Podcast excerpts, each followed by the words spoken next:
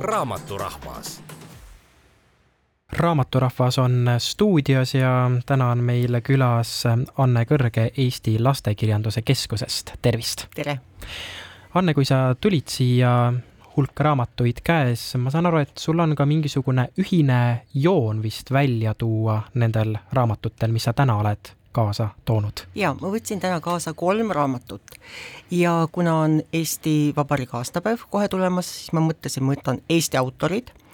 E,, siis oli, et ma võtsin vanusele umbes kaheksa kuni noh, üksteist aastat vanustele lastele, kuigi noh, alati vanus on see, et ühed loevad juba siis midagi muud või teised ei suudagi lugeda näiteks noh, mis mul on siin sellised saja viiekümne lehelised raamatud, et see sõltub, aga siis veel nende raamatute ühine nimetaja on see, et nad on kõik ääretult realistlikud raamatud.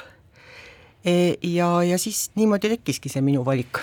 Ja ma näen praegu, kogemata avastasin nendelt selgadelt lugedes, et kas need mitte ei ole ka kõik naisautorite teosed jaa, selle peale ma veel ei tulnudki, jah, seda küll.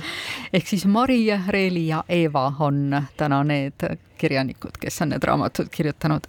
hakkame otsast minema. hakkame otsast minema ja kõigepealt minu üks eelmise aasta suur lem-, lemmik on Mari Teede raamat Ingmar ja meri. et see on Mari Teedelt on see teine lasteraamat, kui nimi Mari Teede tekib et kas on Andra Teedega eh, no midagi ühist, siis Mari on Andra ema ahaa. Nii ja teine raamat et.... ja teine raamat, et esimene oli tal selline kassidest raamat väiksematele lastele, aga nüüd on Ingmar ja Meri, et nagu pealkiri ütleb, on tegelaseks poiss Ingmar, ta on kümneaastane. Ja raamat algab nii, et Ingmar saab ühel hommikul teada, et tema ema ja isa teatavad talle, et eh, nemad otsustasid nüüd lahku minna. Mm. -hmm et tänapäeval paljud raamatutel nagu see tegevus algab selliste nagu kurbade uudistega ja Ingmari elus tekivad siis sellised uued muutused, et et Ingmar peab kolima välja oma kodust, Mustamäe korterist, kus nad koos elasid, ta läheb elama mm, täiesti tuntav, tuttav koht minule Tallinnast Stroomi ranna seal lõpus, seal kus on see Dostojevski restoran mm -hmm. ja seal, kus see Kopli pool seal algab, et seal on sellised eh, vanad majad ja ta lähebki vanaisa majja elama.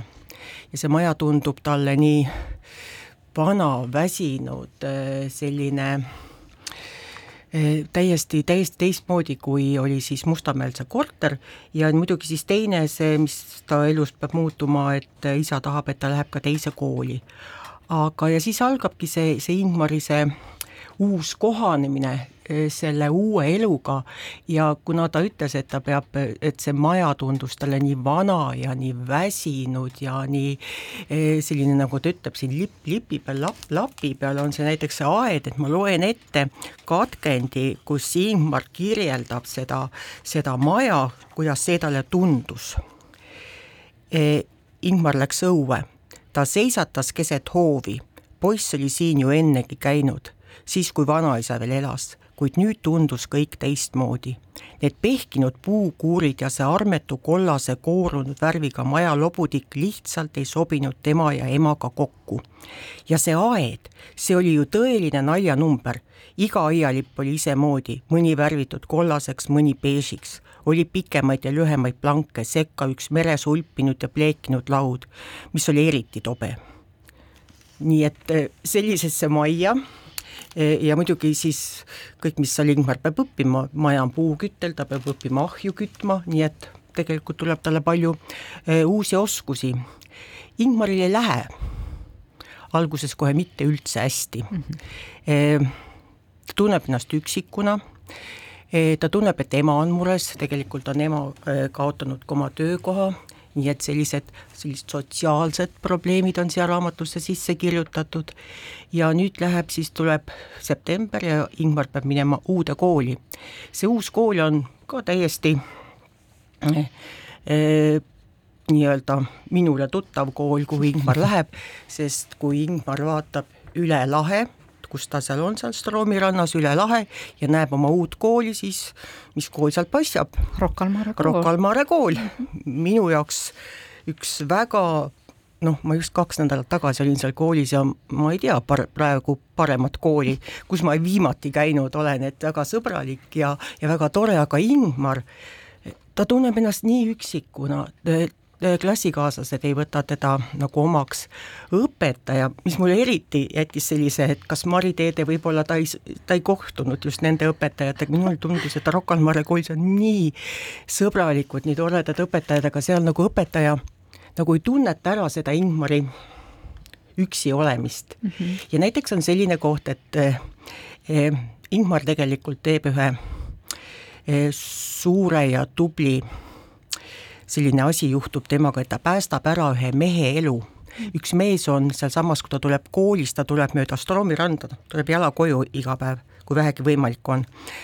Ja näeb, et üks mees on kukkunud ja on näoga seal vees Ingmar läheb teda päästma, ta helistab üks, üks, kahte, aga mehel on eh, nägu või, või see suu on vees ja et mehele vesi suhu ei tuleks, siis peab Ingmar oma koolikoti mehele pea alla. ja õpikud saavad ja märjaks. õpikud saavad märjaks ja järgmine päev saab Ingmar märkuse, et tema õpetaja ütleb niimoodi, et kohe, et no mis koolist sa nüüd tulid, Mustamäelt või? kas teil on selline komme, et, et teie te,, teil, teid võivad need õpikud ja vihikud olla siis vettinud mm. ja Ingmar saab päevikusse märkuse. Ja see tundus mulle nii vale, aga no ju siis oli vaja see asi sinna sisse kirjutada, aga Ingmar muidugi, ta ei ütle kellelegi, et ta tegelikult päästis inimese ära. Ja niimoodi see tegelikult, aga mis seal raamatus on eriti tore, kuidas Ingmar päev-päevalt õpib seda loodust, ta näeb seda merd, ta näeb seda randa, ta näeb seda metsa seal, ta saab omale ka sõpru sealt, kes samamoodi seal rannas käivad, ta õpib linde tundma, kõike, mida ta õpib, seda, kui on rannas, kui meri läheb tagasi, kui on mõõn, kuidas kivid välja tulevad mm, -hmm. see kõik on siia raamatusse ilusasti sisse kirjutatud ja, ja ma tahaksin nüüd lugeda ette lõppu, kui ma lugesin ja, enne ja. alguses, kuidas see maja talle alguses tundus ja kevadel ta kirjeldab seda kohta järgmiste. Ta kutsub eh, oma sõbrad sünnipäevale. astuge sisse, ütles Ingmar ja avas aiavärava. näete, see on minu vanaisa ehitatud maja vanaisa töötas laevaremonditehases. talle meeldis kalal käia ja mereande korjata. selle aialipi korjas ta rannast pärast tormi. vaadake, kui ilus puidumuster siin peal on. see on võib-olla sada aastat meres ligunenud e, ta silitas mere poolt heledaks kulutatud lauajuppi ja teised kaks panid ka oma käe sellele nii et see, ka see maja muutus tema silmis. ehk siis Väga hoopis tore. teised meeleolud, aga lähme edasi. Lähme edasi. Reili Ren-, Reinaus äh, raamat pealkirjaga Juuli ja august äh,, siin vist pigem kalendrikuudest ei kirjutata, vaid tegelaste nimed on Juuli ja august ja, või kuidas? jaa, just nimelt Juuli ja august äh, ja nende ema ja isa, täitsa tavaline perekond, aga Juuli ja augusti jaoks ei ole nende pere üldsegi tavaline, sest kui koolis jälle küsitakse sellist tavalist asja, et millega su vanemad tegelevad, siis Julia-August mõtlevad, no isa eh, korjab, eh, kaevab maa seest konte välja, sest tegelikult on ta arheoloog, ta võiks öelda ju, minu isa on arheoloog, aga ei, natukene nagu põevad, et isa korjab, eh, kaevab konte välja ja ema ei käi üldse tööl, vaid vaatab aknast linde. Ja siis tekib neil küsimus, et Eh, kuidas saada nii, et ema läheks tööle? ma kuskilt just eh, kuulsin sellist uudist, et paljud Eesti lapsed on mures sellepärast, et nende vanemad ei käi tööl. Hmm.. aga võib-olla nad ei teagi, et nende vanemad istuvad võib-olla kodus, aga võib-olla nad teevad kodus tööd, nii et lastel on ka võib-olla see, et see kodukontor on teinud lapsed murelikuks, võib-olla, nii, aga ja siis tekib nüüd see, et, et lapsed mõtlevad, et kuidas perekond vaeseks teha, et ema on sunnitud tööle minema. see tähendab, et see arheoloogist isa, kes neid konte välja kaevas, ega ta ei saanudki nii vähe raha mm, -hmm. ta ikka pidas ju pere üleval ja siis on sada nippi siin, kuidas peret nii-öelda vaeseks teha, minna reisile, lapsed mõtlevad, kus oleks kõige, kõige mm, selline Kulukam. kallim reis. et naljakas koht on see, et ei, Aasiasse me ei lähe, see on liiga odav. Šveits, aga Šveits jääb ära siis oli teine asi, et kas naabrimehe kallis mersu võib olla natukene katki teda teha ja, ja hästi palju selliseid naljakaid, toredaid mõtteid eh,, eh, kuidas sellega eh, seda saavutada, et ema läheks tööle. ma ei taha nüüd ära rääkida seda mm, -hmm. eh, kuidas, kas ema läks tööle eh,, aga ma ütlen sellised sala, salasõnad selle ema edaspidise elu kohta, et fotovõistlus ja rahvusvaheline ajakiri mm.. igaüks võib mõelda. saavad kõik ka ise lugeda, mis just, seal saama hakkab. just nii, ja nüüd on jälle emast juttu, see ema ei vahi mitte linde aknast, vaid võtab hoopis kassi. ja ma arvan, et paljud emad on, ei jõua laste äh, nõudmiste peale järgi anda, et no võtame mingi looma, no võtame mingi looma ja siis ema lõpuks otsustab, hästi, me võtame kassi. võtavad kassi varjupaigast ja nüüd ma mõtlen selle raamatu puhul, et kas seda raamatut peavad lugema inimesed, kui neil juba on kass, et neil on äratundmine, et jaa, minul läks ka niimoodi, mul juhtusid täpselt needsamad probleemid, olid täpselt samad asjad.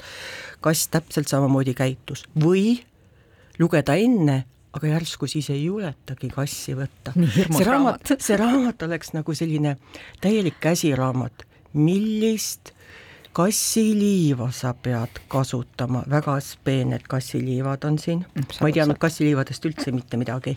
milline peab olema kassi rändekorv, oli vist see sõna, mhm, mhm. kassikemps mm -hmm. kassitoidud ja kõik need sellised asjad ja muidugi hästi eh, humoorikalt, naljakalt on siis kirjeldatud selle kassi eh, see käitumist, kõik need probleemid, mis seal siis tekkisid, mis, mis seal kodus juhtus ja, ja siis, siis mul mõtlesingi niimoodi, et jah, kas linnakassidel ja maakasside võtmisel on erinevus. kas mõni maakass, kes tuleb, võetakse naaberperest äh, no ei ole tal mingit kassiliiva ju ometi, käib kass põõsa all väljas mm -hmm. ja siis on siin raamatus muidugi see, et kassid ei tohi piima juua. ei ja aga maa, kas ma mõtlen alati, et kas maakassil ikka oli kuidagi? no vanasti pandi, aga tänapäeval vist inimesed on targemaks saanud, et äh, ja. see teeb kõhule ainult häda kassil. siiridega sama lugu. jah, aga maakass käib ju ikkagi oma siis põõsa all, kui ta kõht on lahti. nii et sellised raamatud olid, aga väga toredad. väga tore valik, aitäh, Anne Kõrge külla tulemast ja kohtumiseni! teeme. raamaturahvas